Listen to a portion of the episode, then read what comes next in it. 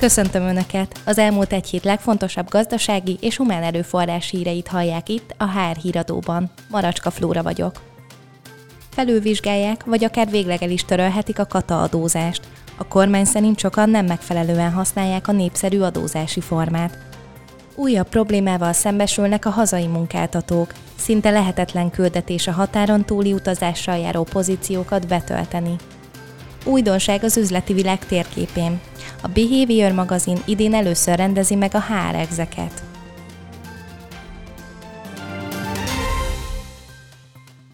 A kormány felülvizsgálja a kisadozó vállalkozások tételes adójának rendszerét.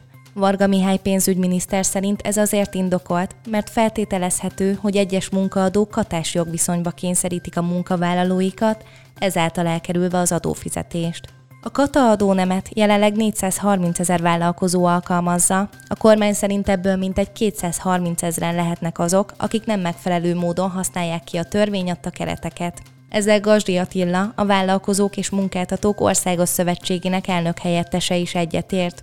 Ugyanakkor fontosnak tartja, hogy a szóban forgó 230 ezer ember ne induljon el a szürke gazdaság irányába. Ezért a szakember a módosítás során külön választaná a B2C és B2B szolgáltatókat. Emellett azt javasolja, hogy úgy formálják át a népszerű adózási formát, hogy megtartsa a megengedő és önfoglalkoztató jellegét.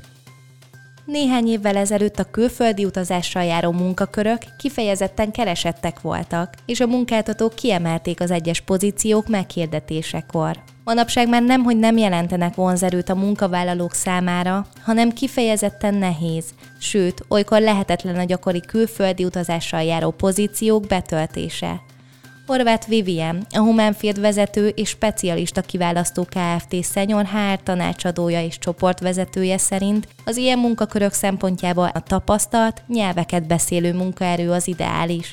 Ez elsősorban a 30-as, 40-es korosztályra jellemző. Viszont pont ők azok, akik különféle magánéleti okokból kifolyólag, mint például a család és kisgyermek, még a pályakezdőknél is nehezebben bírhatók rá a sűrű, külföldi kiküldetésekre.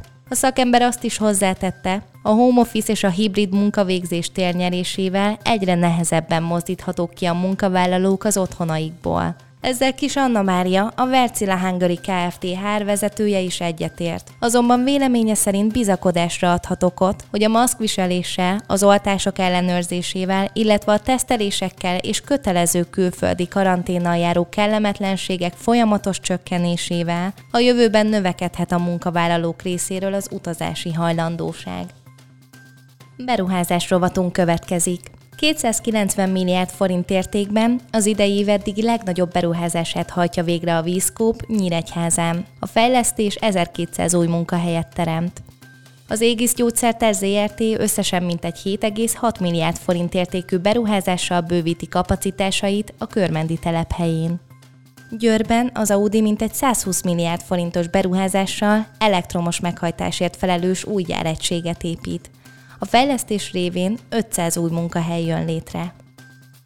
A Behavior magazin idén először rendezi meg a HR exeket. A kétnapos szakmai elvonuláson résztvevő cég és HR vezetők a város zajától elvonulva a Visegrádi Termálhotelben kötetlen formában találkozhatnak egymással. A HR a kapcsolatépítés mellett a szakmai tudás megosztás is helyet kap. A vendégek szeptember 20 és 21-e között kedvükre válogathatnak az izgalmas szakmai előadások, kerekasztal beszélgetések, valamint workshopok közül. A jegyek július 15-ig kedvezményes áron megvásárolhatók a www.hrexek.hu weboldalon.